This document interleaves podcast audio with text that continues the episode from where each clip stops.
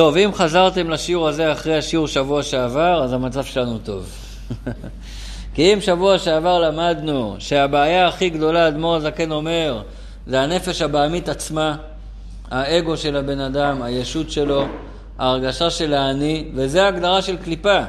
צד הקדושה אמרנו אינו אלא השראה מקדושתו של הקדוש ברוך הוא. צד הקדושה זה איפה שמאיר האור האלוקי. איפה מאיר האור האלוקי? ואין הקדוש ברוך הוא שורה אלא על מה שבטל אליו יתברך. איפה הקדוש ברוך הוא נמצא? איפה שיש ביטול. איפה שאין ביטול הקדוש ברוך הוא לא נמצא. מי שבא לעולם הזה עם האני והאני, ואתם מכירים אנשים שאתה רק מתחיל לדבר איתו, עוד לא דיברתם עשר דקות, אתה כבר יודע שהוא עשה את זה, והוא עשה את זה, והוא הצליח בזה, והוא היה פה, והוא היה שם. הכל אני, אני, אני, אני, אני. אז יכול להיות שהאני שלו עשה דברים נפלאים, אבל אין אני והוא דרין בדירה אחת, אומר הקדוש ברוך הוא. הוא לא יכול להיות עם בעלי גאווה, הוא לא יכול, זה יותר מבעל גאווה, הוא לא יכול להיות עם אחד כזה שכל העניין שלו זה סביב אני, אני מרכז העולם. זה כמו הסיפור עם הבעל שם טוב, שהגיע פעם מישהו ורצה לבדוק את הבעל שם טוב. רצה לראות את, אה, אם הוא באמת צדיק כמו שמספרים עליו. אז אמר, איך אני אדע אם הוא כזה צדיק או לא? לדעת אם הוא תלמיד חכם, זה לא בעיה, אה, נלמד אה, גמרא, נדבר איתו בלימוד, נראה כמה הוא בקיא. אבל לדעת אם הוא צדיק או לא, איך אני אדע? אז הוא אמר, אם הוא צדיק, יש לו חוש ריח, הוא קולט אנשים. אז אם הוא צדיק, בטוח הוא יקלוט שאני גם צדיק. ככה הוא הרגיש אותו אחד. אז בואו נראה אם הוא יקלוט אותי. הוא הגיע לבעל שם טוב, הוא דופק בדלת, ככה היה הסדר שדופקים בדלת, ובדרך כלל הבעל שם טוב היה עונה יבוא והיו נכנסים, אבל הוא, הבעל שם טוב שאל אותו מי זה. אז הוא אמר, עכשיו מה אני אענה לו? אני אגיד את השם שלי? הוא לא מכיר אותי. אז הוא אמר, אני. מי זה? הוא אמר, אני. בעל שם טוב הכניס אותו, והוא אמר לו פסוק. פסוק בנביא אומר ככה, היסתר איש במסתרים ואני לא אראנו נאום השם. נביא שואל שאלה, מה, אתה יכול להסתתר והקדוש ברוך הוא לא יראה אותך? גם תסתתר בנקיקים ובסלעים, הקדוש ברוך הוא יראה אותך בכל מקום. אז הבעל שם טוב אמר לו, את הפסוק עליך צריך להגיד עם הפסיק במקום אחר. היסתר איש במסתרים ואני, ואני זה העיקר שלו, לא יראנו נאום השם. הקדוש ברוך הוא אומר, אחד כזה אני לא רואה אותו. הוא ישר הבין שהקדוש, שהבעל שם טוב יש לו חוש ריח מאוד מפותח, והוא קלט בדיוק את האני שלו ואת ההרגשה שלו, כמה הוא צדיק, אף על פי שהוא היה מסתתר במסתרים ועושה כל מיני תעניות וכולי. אבל זה לא הולך לפי מה אתה עושה, זה לפי מה מניע אותך. ואם מה שמניע זה האני הזה, הישות הזאת, האנוכיות, הנפש הבעמית, אז הוא קלט שהבעל טוב קלט אותו והוא התבטל אליו ונהיה חסיד שלו. ואחרי שנה שהוא נכנס ליחידות פעם נוספת, אז הבעל שם אמר לו, עכשיו התקדמת. עכשיו הפסוק אפשר להגיד אותו, היסתר איש במסתרים ואני לא הראנו נאום השם. אם זה היסתר איש במסתרים ואני, אני זה העיקר, הכל סביבי, הכל בשבילי, הכל מגיע לי, הקדוש ברוך הוא אומר על אחד כזה, לא הראנו. אם זה אחד שהוא ואני לא, שהוא לא מרגיש את האני שלו, מה פירוש שהוא לא מרגיש את האני שלו? הוא מרגיש שכל מה שיש לו זה הכל מהקדוש ברוך הוא, מרגיש שכל החיות שלו וכל המציאות שלו זה הכל כי הקדוש ברוך הוא מחיה אותו, או אני לא, על אחד כזה אומר הקדוש ברוך הוא, הראינו נאום השם, אחד כזה אני רואה אותו. דיברתי קודם החתן שצריך הכנות רוחניות לחתונה, אז כל אחד שואל, מה יש להתכונן כבר, מה יש להתכונן, מה כבר הולך להשתנות? אז עד החתונה אתה יכול להיות עם האני שלך כמה שאתה רוצה, כי מה כבר יקרה? אז תהיה עם האני, אז תריב בגלל זה עם אח שלך, בסדר. תריב בגלל זה עם השותף לחדר בפנימייה, תעבור חדר. אבל עכשיו יש פה שני האני שהולכים להתנגש אחד בשני, והניצוצות הולכים לעוף לכל הכיוונים. אז עכשיו יש לך צ'אנס אחרון לעבוד על עצמך, שאני יהיה אני לא. שתרגיש את הביטול הזה, שתתבטל הקדוש ברוך הוא ותדע שכל מה שיש לך זה ממנו, אז יכול להיות באמת שתסתדר עם הבת זוג, תסתדרי עם הבן זוג. כי כתוב איש ואישה זכו, שכינה ביניהם. אם הם זכו, הכוונה, אם הם הזדככו, וכל אחד זיכך את הישות שלו, ואין לו את המקום הזה שאני, רק אני צודק, ומה שאני אומר הכי חשוב, וגם אין לו יותר בעדינות, יותר בדקות, ש... שהכל סביבי והכל בשבילי, ואם זה לא כמו שאני רוצה את זה, ואם זה לא משהו שיצא לי מזה משהו, אז אני לא עושה. אז אם אין לו את זה, אז אין שכינה ביניהם, יש אה, שכנה ביניהם. יהיה מריבות. אבל אם יזדככו ושמת אני בצד, או, אז באמת יש מקום להכניס את השכינה בבית. אז באמת שכינה ביניהם. לכן באמת צריך להתחתן אה, כמו שצריך, כהלכה, בקדושה. כי אם זה בלי קדושה, אז מה נשאר? נשאר רק האגו. אז שני אגואים ביחד זה כמעט בלתי אפשרי. אספר עוד סיפור להמחיש את זה, יותר, אני יותר בדקות. כשהייתי ב... בהודו, כשחזרתי בתשובה, אז אני זוכר בחודשים הראשונים, הגיעו המון לבית חב"ד, היה המון אקשן סביב הבית חב"ד, מלא שבאו, אז הייתה תקופה, אני אגיד לכם, לפני שהיה את הוואטסאפים, בן אדם היה טס להודו, היה מנותק מהעולם, היה בא כלי ריק, רק היית מדבר איתו קצת חסידות, קצת תניא, אנשים היו חוזרים בתשובה. היום, מרוב שקשה לאנשים להוציא את האנשים מהמסכים והם כל כך בתוך הדבר הזה, הם כל כך לא מנותקים מהעולם ולא מחוברים לעצמם, אז באמת הרבה יותר קשה לעשות את זה. אבל אז הייתה תקופה ממש כמו איזה סרט נע כזה, סרט רץ, שמלא מלא חזרו בתשובה. אז הגיעה איזה אחת מבית דתי, והיא התחילה להתעניין וללמוד, רק מה, היא הייתה רשומה מראש, היא הולכת לסדנה של שתיקה, עשרה ימים של שתיקה. עכשיו, הקטע של הסדנאות האלה זה לא בדיוק שתיקה. זה כאילו שתיקה, אבל תכלס זה גם עבודה זרה. כי הם, אה, אתה צריך להגיד את התפילות שלהם ואת המנטרות שלהם, יש מקומות שיש להם גם את הפסלים שלהם וכולו וכולו, זה לא פשוט. אז היא שם, הרב ניסה לשכנע אותה, אל תלכי לזה, הנה כבר התחלת ללמוד, התחלת להתעניין, מתחזקת, עזבי עכשיו את הסדנה הזאת. טוב, היא לא ויתרה, היא הלכה לסדנה. היא הלכה לסדנה, היא חזרה אחרי עשרה ימים, והיא בכתה. היא אמרה שבאמת זה היה טעות, כי באמת היה שם עבודה זרה. גם המנטרות וגם כל מה שהיה שם, באמת זה עבודה זרה, אבל אה, היא לא רצתה להפסיק באמצע, ועכשיו אה, היא שואלת מה אפשר לעשות. היא רוצה תיקון, מה היא יכולה לעשות? טוב, אז הרב נתן לה שם, אה, אמר לה, תלמדי בעל פה קטע מהתניא, פרק כ"ד, שמדבר על עבודה זרה, וזה יהיה התיקון שלך. ננסה, כן, משהו. טוב, היא התחילה ללמוד את זה, היא ראתה שמאוד קשה ללמוד בעל פה, אז היא באה ואמרה, אולי תיקון אחר, תעשה איזה הנחה. אז אמר לה, את יודעת מה, אל תעשי כלום.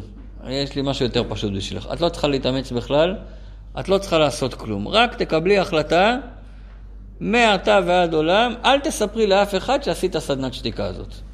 פשוט אל תספרי את זה לאף אחד. אמרה, יופי, לא צריך לעשות כלום, נכון? זה, זה לא משהו חיובי לעשות, זה רק לא לעשות. היא יצאה מהבית חב"ד, יצאה לטיול, היא חזרה אחרי שעה עוד יותר בוכה. היא אמרה שהיא לא מסוגלת לא לספר את זה. פתאום היא קלטה שכל מה שהיא הצליחה לשתוק וכאילו לבטל את האגו שלה, כי זה כל הסדנה הזאת, כאילו לבטל את האגו וכולו, כל הביטול אגו הזה זה לא היה שום ביטול אגו, זה היה הגדלת האגו. כל מה שהיא הצליחה לשתוק עשרה ימים זה כדי שהיא תוכל לספר לכולם שהיא הצליחה לעשות את זה. זה הנקודה הזאת, הפנימית הזאת של הישות, של הנפש הבעמית, זה עיקר הבעיה, אומר אדמו"ר הזקן. וזה מה שבן אדם צריך להתגבר עליו. אה, איך תתגבר על זה? מי יבטל את זה? האגו יבטל את האגו? זה, זה כמו כלב שירדוף אחרי הזנב שלו, אתה לא יכול לצאת מזה. הדרך היחידה לצאת מזה זה אם תגלה שיש לך נפש אלוקית, שהנפש אלוקית היא למעלה מהדבר הזה. זה החבל שהקדוש ברוך הוא שלח לך מלמעלה, שיוכל לשלוף אותך מהמקום הזה של הנפש הבעמית. טוב, זה למדנו פעם שעברה. אולי עוד קצת מה שלמדנו פעם שעברה. אז אחרי זה אמרנו שהקליפות מחולקות לשתי מדרגות. המדרגה התחתונה זה נקרא ג' קליפות הטמעות, זה הדברים שהם אסורים ממש, והמדרגה הפחות תחתונה זה נקרא קליפת נוגה, זה הדברים המותרים, אבל הכל תלוי איך אתה משתמש בהם. וזה מה שנלמד היום. מה הכוונה? הדברים המותרים. כי הדברים האסורים זה פשוט. זאת אומרת, דבר שהוא אסור מהתורה לעשות אותו, אסור להגיד אותו, אסור uh, לדבר, uh, לעשות אותו, אסור לאכול אותו. דבר שהוא אסור מהתורה, זה נקרא שהדבר הזה מקבל חיות, מקבל את האנרגיה שלו מג' קליפות הטמעות. ואם יהודי מתעסק עם הדבר הזה, זאת אומרת, הוא לא בטל לקדוש ברוך הוא, הוא לא עושה רצון השם, הוא עושה נגד רצון השם, אז עכשיו, כמו שבמצווה, המצווה מושכת אותו והוא מתעלה לדרגה נעלית יותר, ככה העבירה הזאת מורידה אותו והוא יורד עכשיו למקום נמוך יותר, וכמובן אף אחד לא רוצה לרדת למקום של הקליפות. לא רק שהוא יורד, עבירה מלשון להעביר, הוא מעביר מהקדושה לקליפה. הוא מעביר מהחיות שהוא קיבל מהקדוש ברוך הוא מעביר את זה עכשיו למטה למקום נמוך, אל הקליפות, לחיצונים, איך שלא נקרא לזה. וזה אדמו"ר הזקן אמר, כל שסה לא תעשה מהתורה, כל המצוות לא תעשה, וגם מדי רבנן, כל אה, עורלה וכלי הכרם, הכוונה כל הדברים, הצומח שהם אסורים באכילה, זה מקבל מגימל קליפות הטמעות. לכן אם יהודי ילך ויקנה עכשיו אה, תפוז, או יקטוף תפוז מעץ שעוד לא עברו שלוש שנים של העץ הזה, התפוז הזה זה עורלה, אז מה שנותן לו חיות זה ג' קליפות הטמעות, אז אם יהודי אוכל אותו, כיוון שזה נגד רצון השם, אז זה מוריד אותו לקליפה. יהודי תמיד שואף להיות בקדושה, להיות בתל הקדוש ברוך הוא ולעשות רק רצון השם. מה זה רצון השם? לכאורה,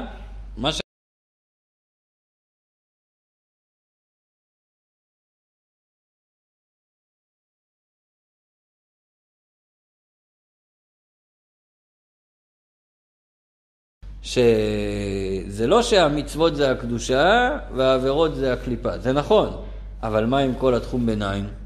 מה עם כל מעשה עולם הזה? באדם הולך לעבוד, הולך להתפרנס, הולך לאכול, הולך לישון, הולך ליהנות מהחיים, אני לא יודע מה, נוסע למלון, נוסע לסקי, יש הרבה דברים שעושים.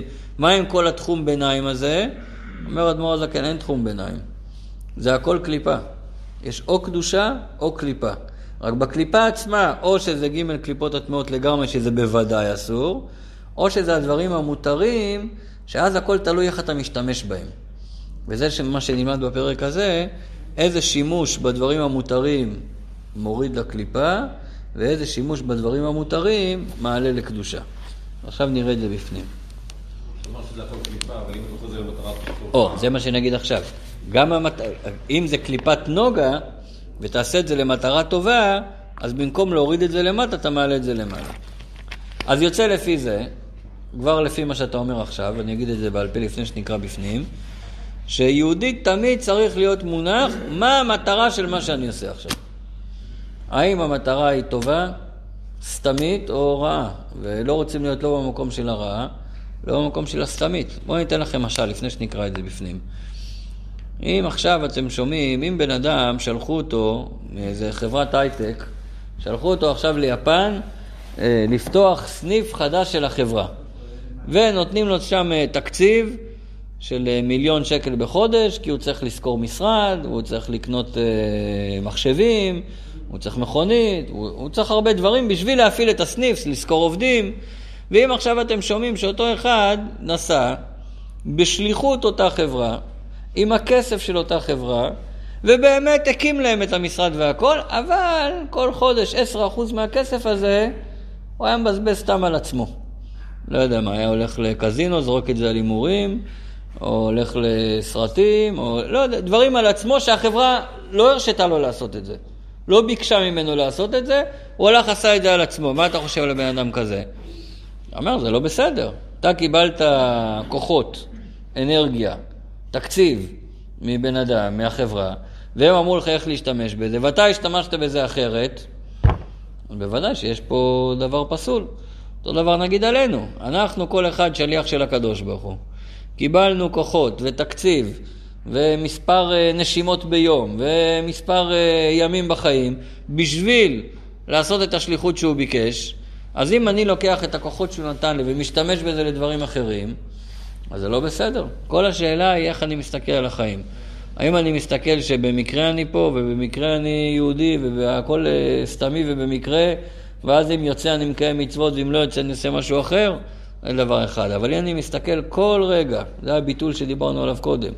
כל רגע אני בכזה ביטול, שאני מרגיש שכל הכוחות שאני מקבל, כל רגע זה מהקדוש ברוך הוא, אז כל רגע אני חייב לעשות את השליחות שלי. אז כל רגע אין לי זמן לעשות דברים אחרים. אלא מה, שאותו שליח ביפן, אם הוא לא מרגיש טוב הוא ילך לרופא, נכון? כי הוא צריך להיות בריא בשביל השליחות שלו. ואם הוא מרגיש לפעמים שהוא חייב להתאוורר מהמשרד בשביל לחזור למשרד ולעבוד טוב יותר, אז הוא לא יודע מה, צריך ללכת לטייל קצת, אז בסדר. השאלה היא האם הכל אצלו מכוון לקיים את המטרה שלשמה הוא נשלח, או לא הכל מכוון.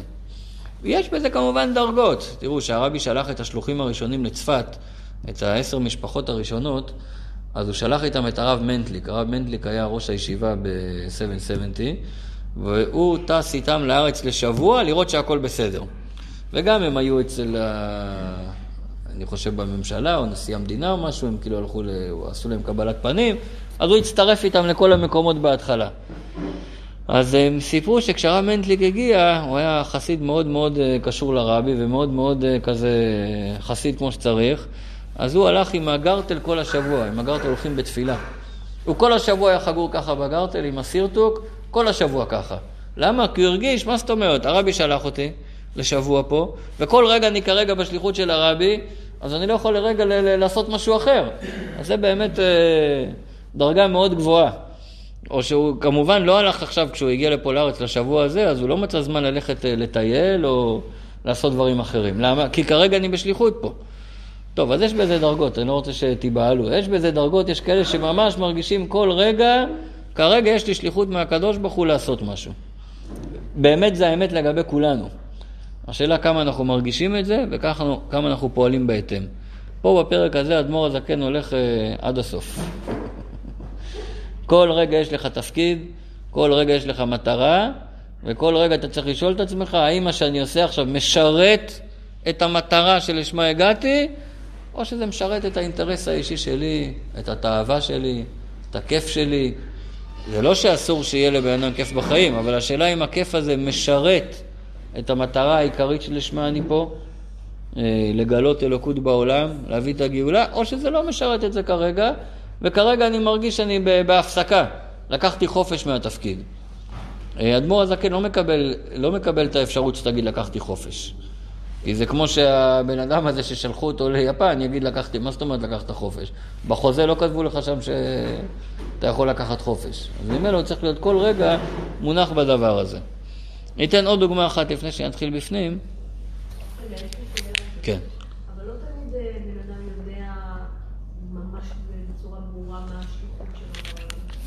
נכון. נכון. אז בוא נגיד, אז בשלב שאנחנו מדברים פה, זה עוד לפני שבן אדם יודע את השליחות או לא יודע. השליחות הבסיסית שלו קודם כל, זה לשמור תורה ומצוות. ולחיות חיים על פי תורה.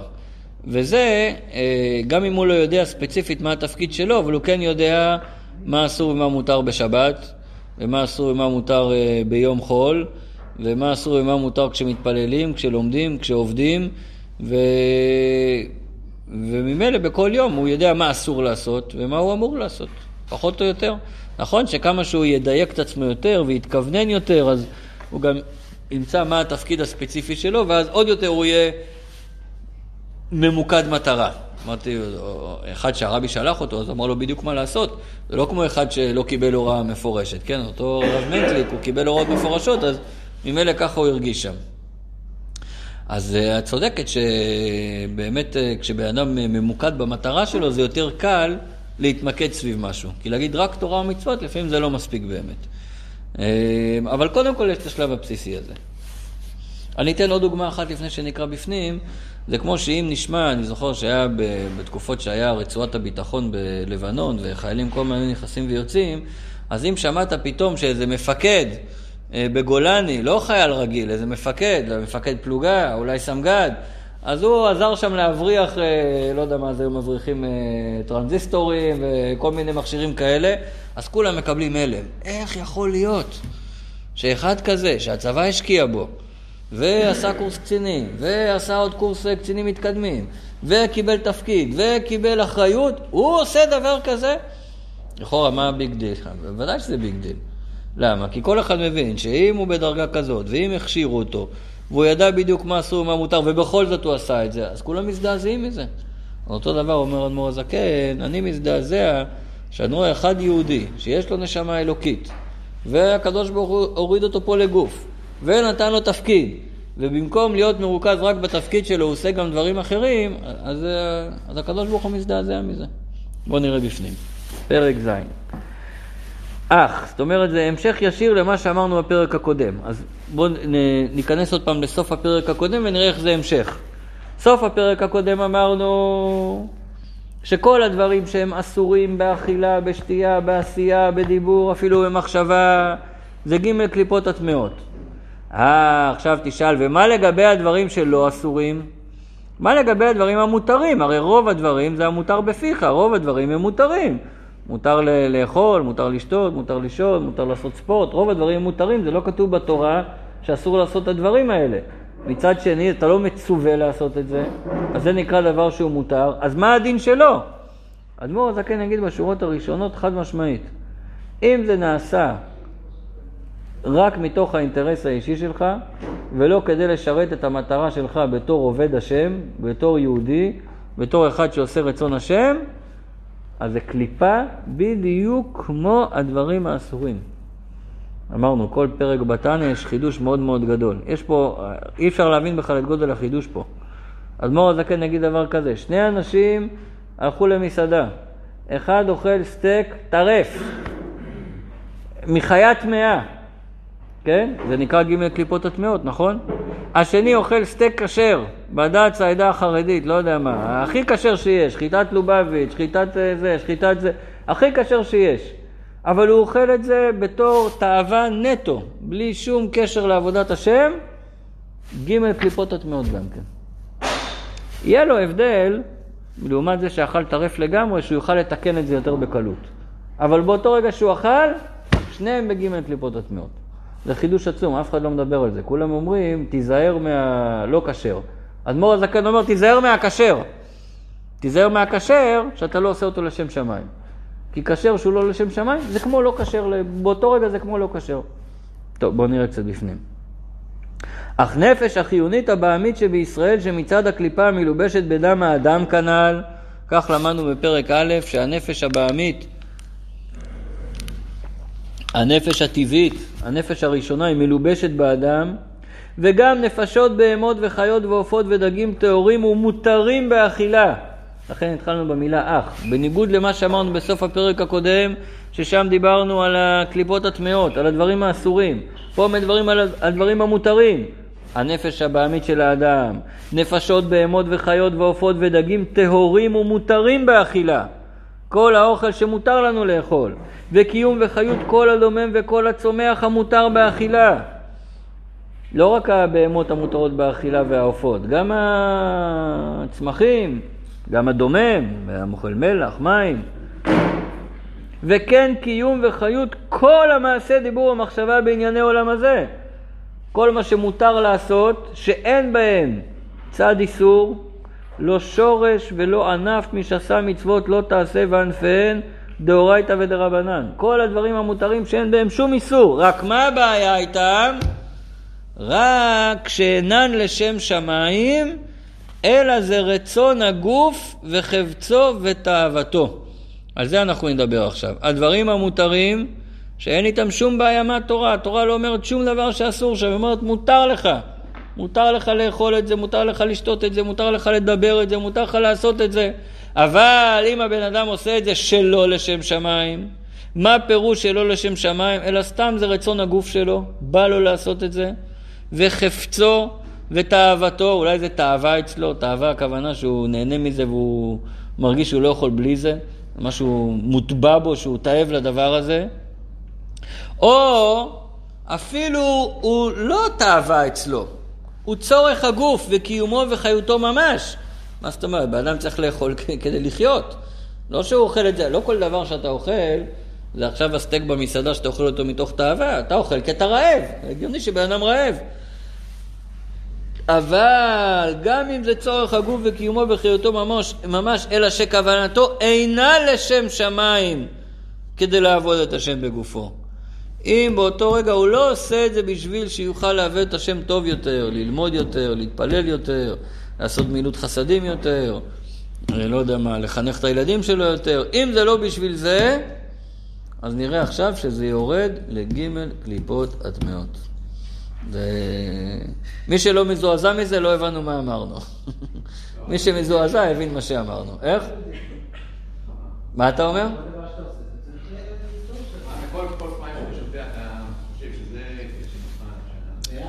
יש בזה דרגות, יש בזה דרגות. רק רגע, יש בזה דרגות. יש בזה דרגות.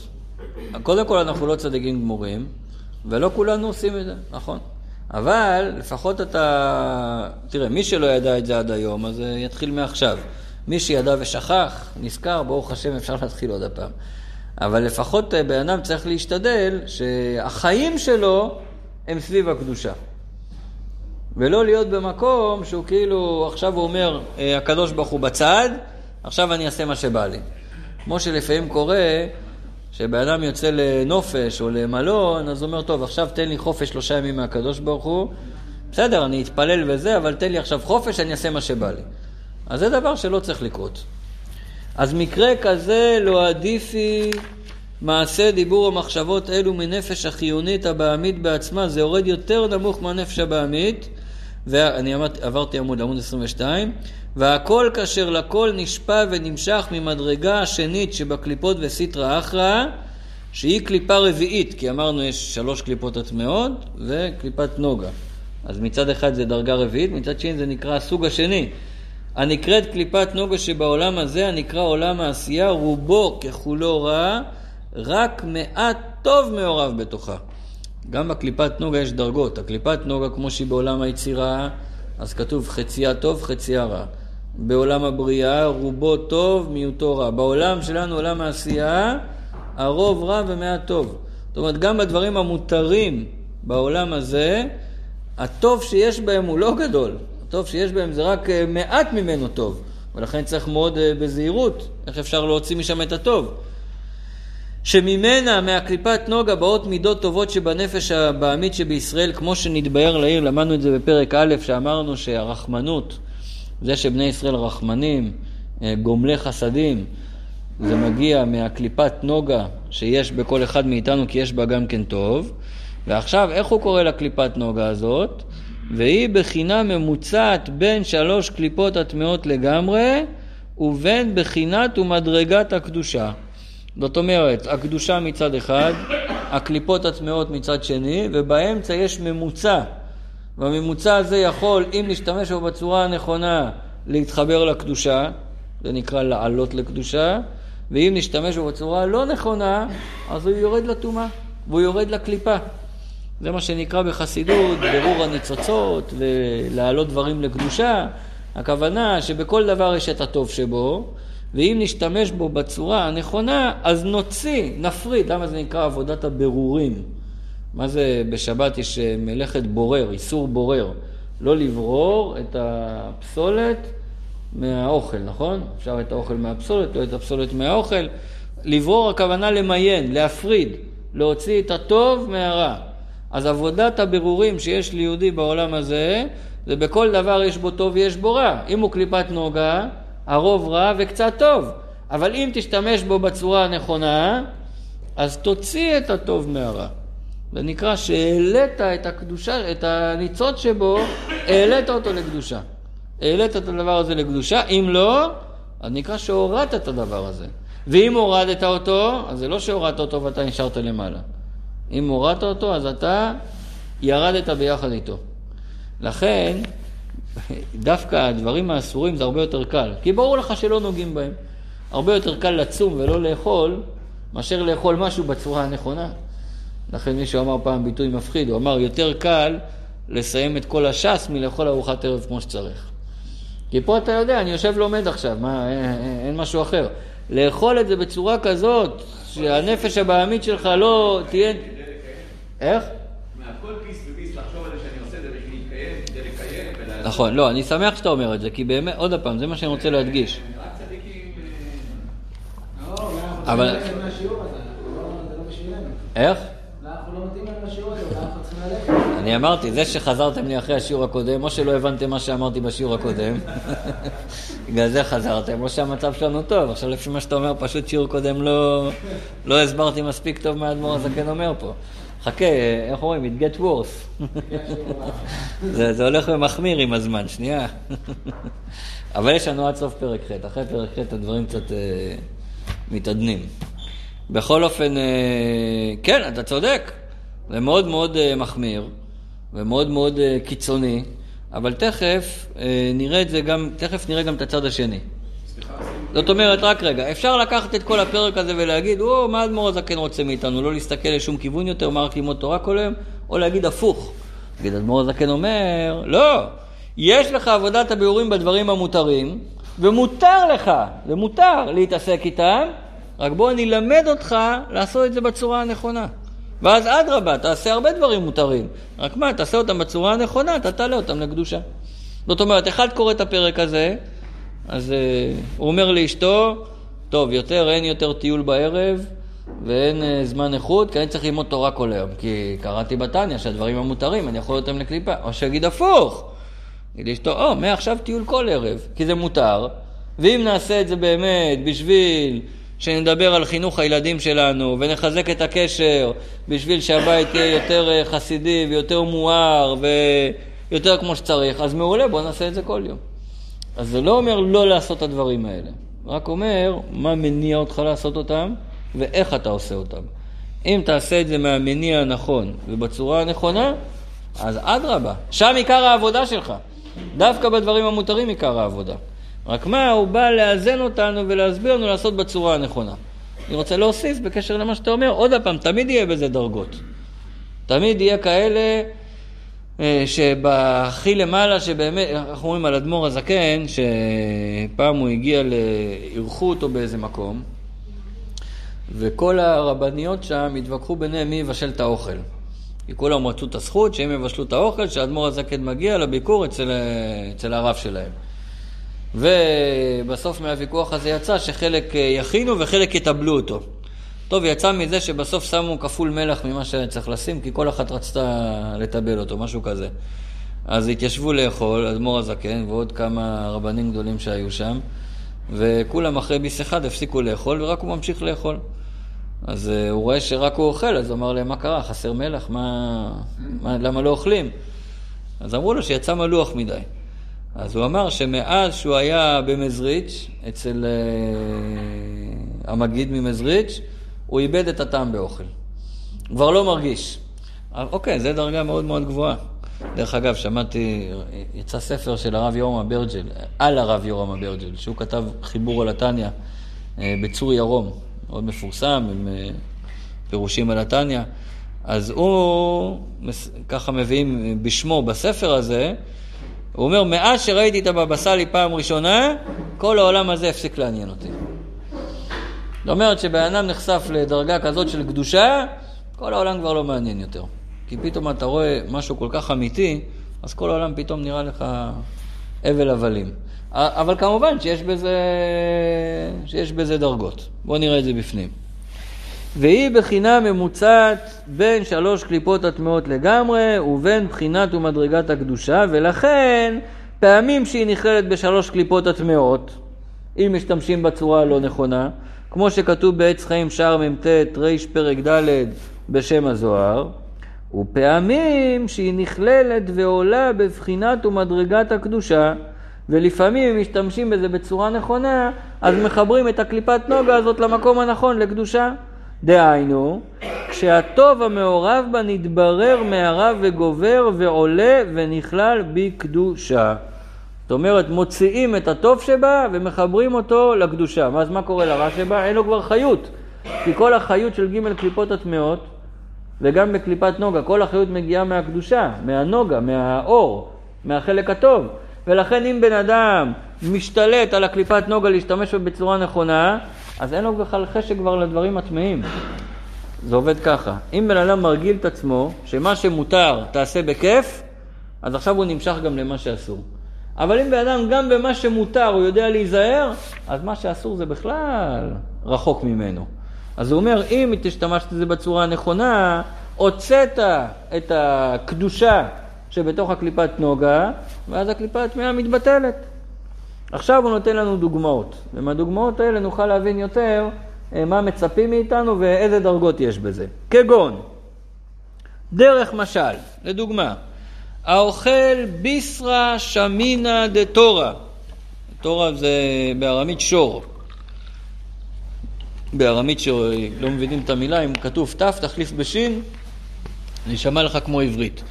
אחד שאוכל בשר שמן של שור, אוכל סטייק משובח, כשר, בד"ץ, אה, מחפוד, לא יודע מה, עטרה, העדה החרדית, שחיטת לובביץ', אוכל הכי כשר שיש. אז מה קרה עם הדבר הזה? זה טוב או לא? אומר אדמו"ר הזקן. אה, ועוד דוגמה, ושותה יין מבוסם. שותה יין טוב, קנה איזה יין איכותי, יין טעים, גם כן כמובן אה, בד"ץ. אז מה קורה עכשיו עם הקליפה הזאת שהוא שתה? הרי זה לא קדושה, הדבר הזה, נכון? או, זה לא סעודת שבת, זה באמצע השבוע. זה נקרא קליפת נוגה. מה קורה עם זה עכשיו? הוא אומר, תלוי. אם הוא שתה את זה ואכל את זה להרחיב דעתו להשם ולתורתו, אם הוא עשה את זה בשביל שהוא יוכל יותר להתרכז בלימוד, כמו שמסופר על רב נחמן בגמרא, שפעם אחת שאלו אותו שאלה, והוא בא בוקר אחרי והוא אמר, זה שאתמול לא עניתי לך על השאלה, כי אתמול לא אכלתי בשר. הוא אומר, שאני לא אוכל בשר, אז אני מרגיש ביום הזה, אני לא יכול אה, להבין כלום. כמו שראובן אמר לי קודם, שהוא הלך לישון היום צהריים. למה? הוא אמר, אם אני לא ישן צהריים לפני השיעור הזה, אני נרדם בשיעור. אז כשהוא הלך לישון צהריים, זה היה קדושה? זה היה קליפה? מה זה היה? בוודאי. זה היה קליפת נוגה שהוא העלה אותו לקדושה. השינה שלך היום זה היה עבודת השם. נחת רוח לקדוש ברוך הוא. כי למה הוא הלך לישון? בשביל שהוא יוכל להיות ערני ולהבין את השיעור. אז אותו דבר אם היה שותה עכשיו איזה, אם היינו אומרים לחיים קצת. למה אומרים לחיים בהתוועדות? כדי שההתוועדות תהיה עסיסית יותר. אפשר יהיה להיפתח יותר, אפשר יהיה לדבר יותר, יהיה יותר חמימות, יותר התלהבות, יותר חיות. אז השתיית לחיים הזה זה לקדושה. למה אני שותה עכשיו כוס מים? שאני יכול לדבר. אם מתייבש לי הגרון אני לא יכול לדבר. אז השתיית מים הזאת זה לקדושה עכשיו. למה אוכלים פה מרק בשיעור? ככה באים יותר אנשים לשיעור, וככה יש יותר חשק להיות בשיעור, וככה מקשיבים יותר. אז הדבר הזה עולה לקדושה. אפילו, והמרק זה עוד אה, דבר בריא, זה לא תאווה מרק, כן? לא יודע, אולי אני מדבר על עצמי, אבל בדרך כלל אין תאווה למרק, כן? יש תאווה לבשר, יש תאווה לסטייקים, לדברים כאלה, מרק זה לא כזה מאכל תאווה. אפילו מאכל תאווה. איך? כן, מרק של ה... כן. טוב, יכול להיות שכן. זה כל החידוש. יכול להיות בן אדם אוכל חסה בתאווה, ויכול להיות שאוכל את הסטייק לא בתאווה. זה לא משנה מה אתה אוכל, שאלה מה מניע אותך ואיך אתה אוכל את זה. אתה אוכל את זה בקדושה או אוכל את זה בתאווה. אני כל הזמן מדבר על אוכל, אבל אוכל זה החלק הקטן, פשוט אנחנו עושים את זה שלוש פעמים ביום, אבל זה איך אתה מדבר עם השכנים שלך, ואיך את מדברת עם בעלך, ואיך אתה מדבר עם אשתך, ואיך אתה מתנהג בעבודה. לא רק הדברים בעבודה, שדברים אסורים ממש, לרמות או לשקר או גנבת דעת. איך אתה מבחינת מנש, כן? אתה בן אדם, אתה לא בן אדם. אתה עושה דברים לשם שמיים, לא עושה אותם לשם שמיים. האוכל זה פשוט הדוגמה הכי קלה, כי זה הכי מוחשי לנו. אבל זה לא רק אוכל. הנה, הוא ייתן עוד דוגמה עכשיו. רק נסיים את הדוגמה הזאת. אם הוא שותה, אה, אוכל ביסרא שמינא דתורא ושותה יין מבוסם להרחיב דעתו להשם ולתורתו, כדאמר רבא חמרא וריחא חולו, הוא אומר חמרא זה יין וריחא, אה, יין טוב וריח טוב, פוקחים. פוקחים את הראש, פוקחים את המוח, יש לי פתיחת המוחין. אני מבין טוב יותר את התורה שאני שותה יין. כך כתוב, אני חושב, בשם המהר"ל גם, שהיו ממש אה, חכמי ישראל שהיו שותים הרבה, והשתייה הזאת הייתה, נכנס יין, יצא סוד. זה היה פועל עליהם שיבינו טוב יותר. או, יותר פשוט, שהוא משתמש בזה בשביל, כדי לקיים מצוות עונג שבת ויום טוב. זה שהוא אוכל עכשיו ביסרא שמינא דתורא, זה לא מצד התאווה שלו, זה מצד שהתורה מצווה, התורה אומרת אין שמחה אלא בבשר, נכון? ביין, בבשר. הוא אוכל עכשיו בשר בסעודת יום טוב. הוא אוכל עכשיו בשר בסעודת שבת, הוא שותה יין טוב בשבת. הוא עושה את זה כדי לקיים את המצווה של עונג שבת. הוא רוצה להתענג על השבת, והתורה מצווה אותנו שבשבת נתענג גם בדברים גשמיים, אז אה, בשבת אה, is on the safe side, פה אין בעיה, כי הוא עושה את זה לתענוג של שבת. זה לא בעיה, הבעיה היא בארוחת צהריים שאכלתי היום. נכון. למרות שגם בשבת יש סיפור מהבעל שם טוב, בואו נראה איך זה מסתדר עם ההלכה, הסיפור הזה. הסיפור הזה אומר שפעם הוא לקח את התלמידים שלו, הוא היה מחבק אותם ככה ידיים על הכתפיים כולם, וככה היה מעלה אותם לאיזה מקום רוחני יותר. אז בהתחלה הם ראו בן אדם אה, לבוש בשטריימל, אוכל בשר של שור בשבת, ועל כל הביס הוא אומר לכבוד שבת קודש.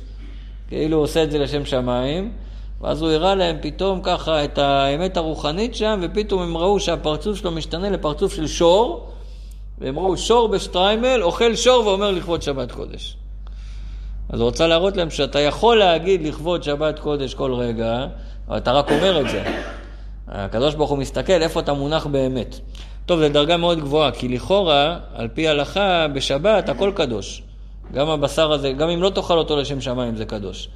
אבל כנראה שיש דרגות מסוימות שדורשים מאנשים מסוימים שזה לא יהיה אה, התענוג הגשמי כפשוטו, אלא גם התענוג הגשמי יהיה כי ככה הקדוש ברוך הוא רוצה שביום הזה תתענג מגשמיות, ולא שאתה ממש אה, מרגיש את התענוג הזה.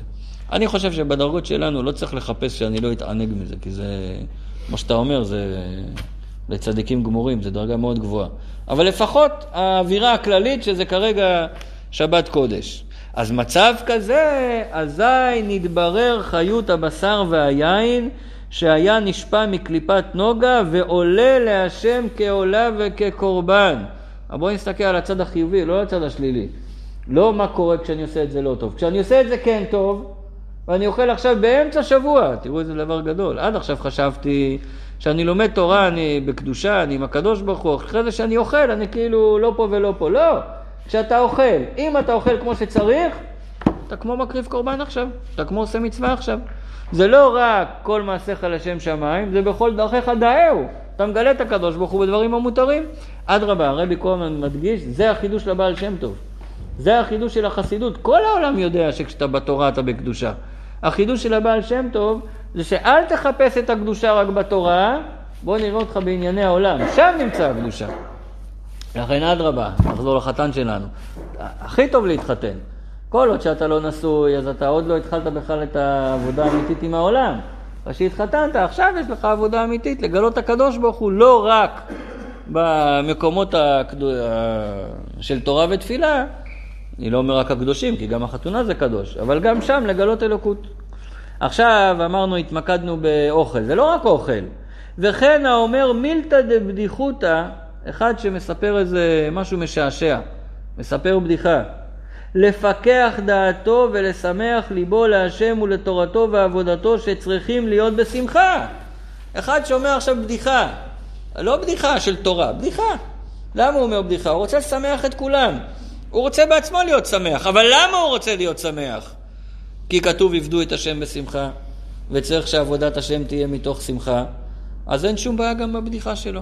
איי, בפרק א' אמרנו שליצנות זה דבר שלילי. נכון, ליצנות שלא לשם שמיים, ליצנות לשם ליצנות, זה דבר שלילי מאוד. אבל אם בן אדם הוא עכשיו אה, מספר לנו בדיחות כדי אה, לשמח אותנו, שנעבוד את השם מתוך שמחה, הדבר כזה זה מצוין. אדרבה, דבר כזה הוא לוקח פה את הדיבור שלו, שזה לכאורה פעולה של חול, והופך את זה לפעולה של קדושה.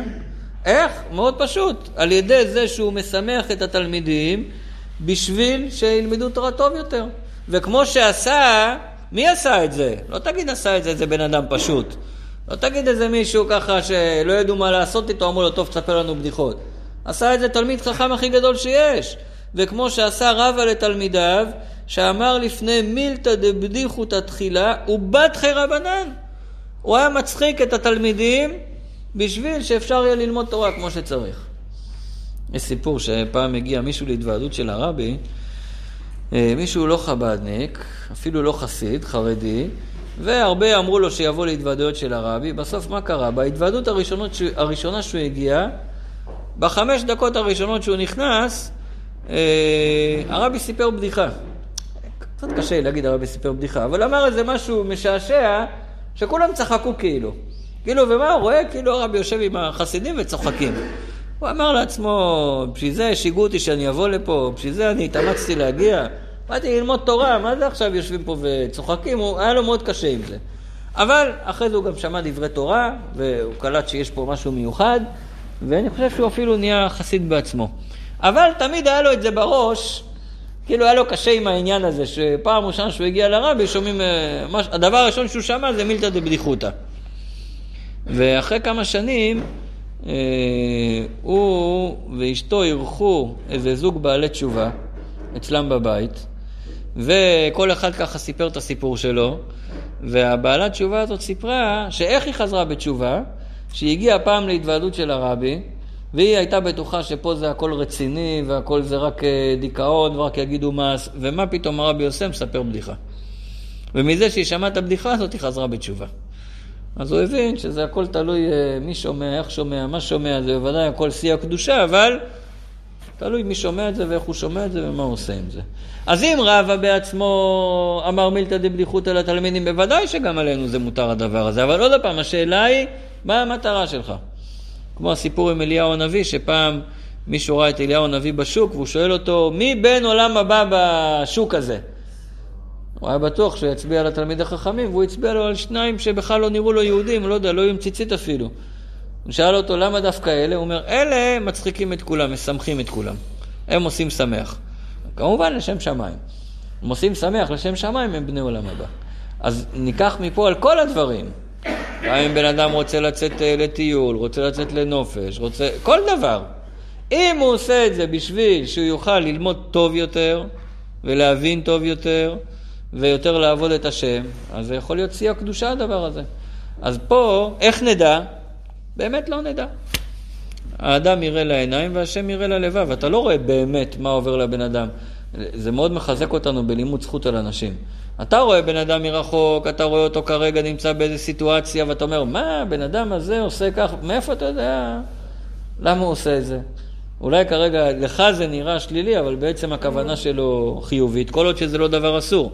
כל עוד שזה דבר המותר, באמת אתה לא יודע מה עובר לו בראש, ותלמד עליו זכות שהוא עושה את זה מסיבה חיובית.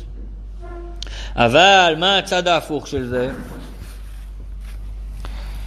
אבל אך, כן? מישהו בזוללי בשר ושובעי יין למלות תעבוד גופו ונפשו הבעמית, מישהו זולל את הבשר. זאת אומרת, הוא אוכל בצורה בהמית, הוא עושה את זה רק בשביל התאווה שלו. מישהו סובה יין, כן? שהוא כל הזמן אה, שותה את היין רק לשם ההנאה. למלות תעבוד גופו ונפשו הבעמית שהוא בחינת יסוד המים מארבע יסודות הרעים שבה, כך למדנו בפרק א' שהמים מצמיחים כל מיני תענוג, שהתאוות זה יסוד המים. אז אם הוא עושה את זה רק מצד התאווה ולא מצד אה, לשם שמיים, לא בשביל כוונה עליונה,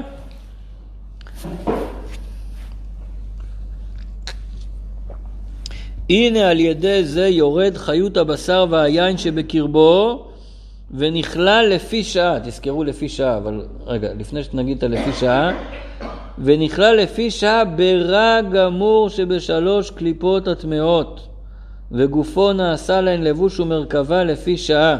באותו רגע שהוא אוכל את זה, אם זה לא לשם שמיים, אם זה נטו בשביל האינטרס האישי שלו, בשביל התאווה האישית שלו, בשביל ההנאה שלו, בלי שום מחשבה על זה שזה הולך אה, לקדם אותו באיזושהי צורה בעבודת השם, אם זה רק ככה, באותו רגע שהוא אוכל את זה, זה ג' קליפות הטמעות. זאת אומרת, לא נעים להגיד, זה כמו לאכול חזיר. זה בד"ץ לנדה, זה הכל כשר, אבל הוא אוכל את זה נטו, לא לשם שמיים, נטו לעצמו, זה כאילו אכל משהו לא כשר לגמרי. אלא מה? לפי שעה, רק לאותו זמן. וזה יכול להשתנות ברגע אחד. איך זה משתנה ברגע אחד? עד אשר ישוב האדם ויחזור לעבודת השם ולתורתו. ברגע שאחרי שהוא יתאפס על עצמו ויתעשת על עצמו ויגיד, רגע, מה אני עושה? מה זאת אומרת? זה לא צריך להיות ככה. רגע, אני בשליחות פה, כמו שסיפרנו קודם על המפקד ההוא בצבא, או השליח ההוא ביפן. רגע, אחרי אומר, רגע, רגע, אבל זה לא השליחות שלי. לא בשביל זה קיבלתי כסף, לא בשביל זה קיבלתי תקציב, לא בשביל זה קיבלתי כוחות, זה לא בהוראות שקיבלתי, זה לא לטובת הכלל כרגע, זה לא משרת את השליחות, נזכר בזה וחוזר לשליחות שלו, אז באותו רגע זה חוזר לשם שמיים. זה חוזר לקדושה. אם זה היה חזיר ממש, אם זה היה דבר טמא ממש, זה לא יכול לחזור. דבר שהוא טמא ממש, תכף נראה, כמעט אין לו תקנה בכלל. בטח שלא בצורה כזאת פשוטה. לכן, אם כבר הוא התבלבל, לכן הדברים המותרים זה הרבה פחות חמור מהדברים האסורים, בוודאי. בגלל התיקון שאפשר לתקן, אבל באותו רגע זה כמו ג' קליפות הטמעות. תוך כמה זמן? כל רגע, מה זאת אומרת? כמה זמן לוקח לחזור בתשובה? שנייה אחת. גם? יש קונה עולמו בשעה אחת, נכון? רבי אלעזר בן דורדיה ברגע אחד חזר בתשובה, תיקן את כל החיים שלו. לא, לא הכוונה. נגיד עכשיו הפוך, כאילו בן אדם התחיל לאכול בקדושה, וזה בשבוע אחרי זה, הוא לא יודע. אפשר כאילו לעשות את זה גם. מה שעשית טוב, אי אפשר לקחת לך את זה. ככה אומרים בר מצווה ובעל עבירה. מצווה זה בר מצווה, זה בן, זה קשר של אבא ובן, אי אפשר לנתק אותו. עבירה זה בעל, אפשר גם לגרש אותה. עבירה שעשית, אתה יכול להתנתק ממנה ולבטל אותה. מצווה, אי אפשר לקחת לך מצווה טובה שעשית. לכן לפעמים אנשים מסתכלים ואומרים, מה הטעם לעשות מצווה, גם ככה אני עובר עבירות אחר כך. למשל, אנשים שמחלקים להם אה, נרות שבת, אז הם אומרים, רגע, ככה אני מחלל את שבת. לא משנה.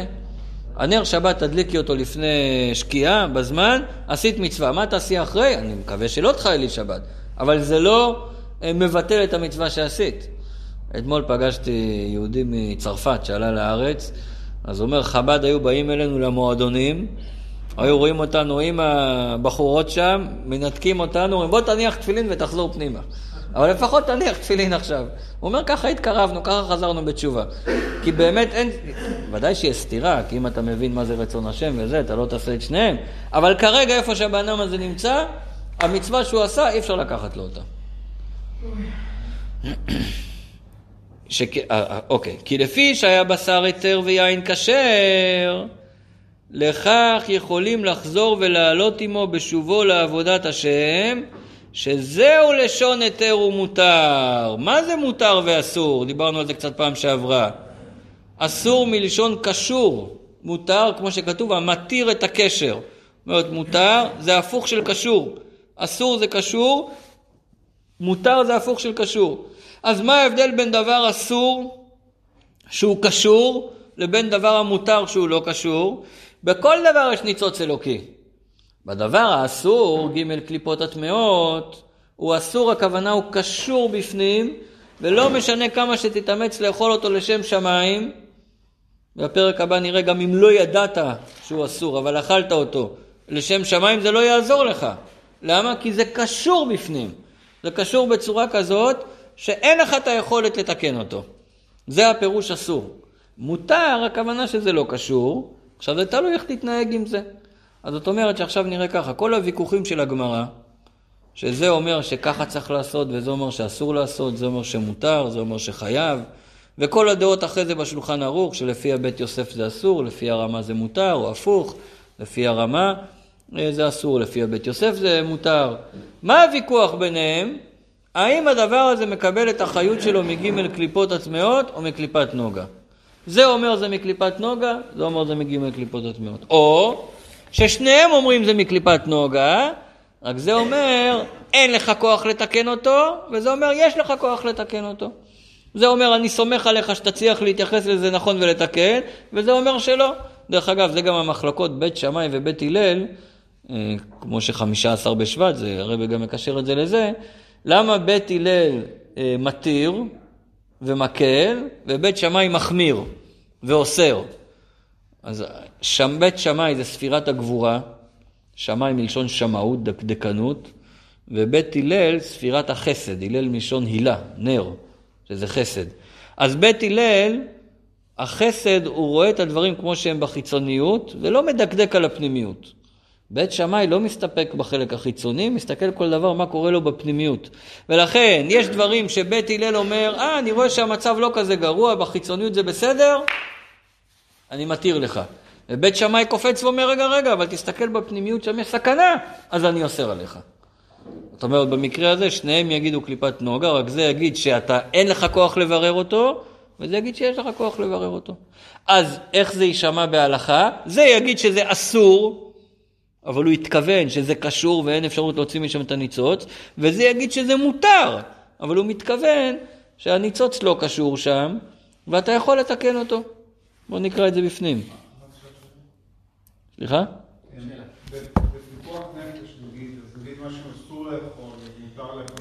בפיקוח נפש. לפי זה, אנחנו נלמד את זה בפרק הבא, לפי זה, איך תלמד פיקוח נפש? זה שעכשיו חולה, יש רק בשר חזיר לאכול אותו.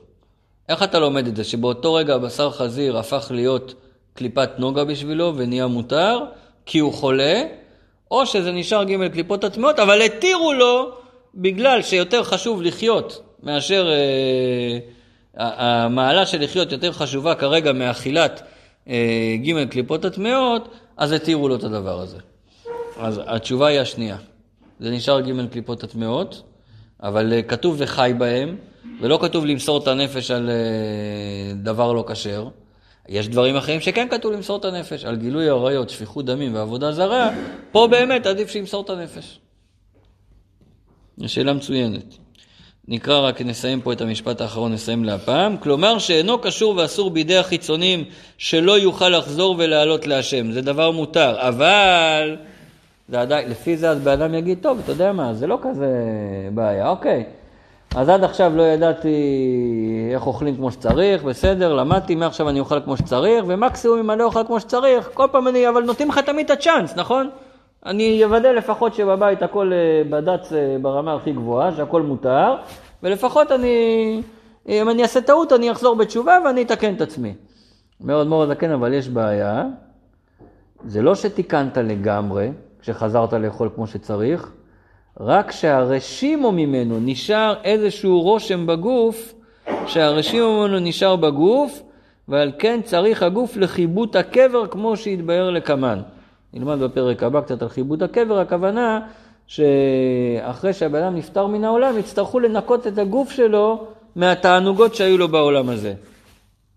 מה שאין כן, אם נחזור לדבר על מאכלות אסורות וביאות אסורות, שהן משלוש קליפות הטמעות לגמרי, הם אסורים וקשורים בידי החיצונים לעולם, ואין עולים משם. עד שתי אפשרויות. או עד שיבוא משיח, או עד שבן אדם יעשה תשובה כל כך גדולה, שזה נקרא תשובה מאהבה. ותשובה מאהבה, זדונות נעשים לו כזכויות. הוא יהפוך את כל הזדונות לזכויות, על זה נראה בפעם הבאה.